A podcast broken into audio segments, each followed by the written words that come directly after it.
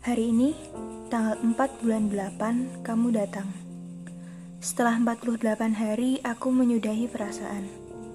Entah, bukankah ada mawar yang sedang kau tumbuhkan?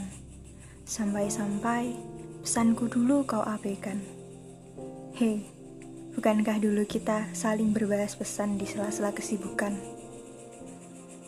Jika hadirmu hanya untuk menumbuhkanku, sementara ada banyak bunga di ladangmu, maaf biarkan saja aku layu.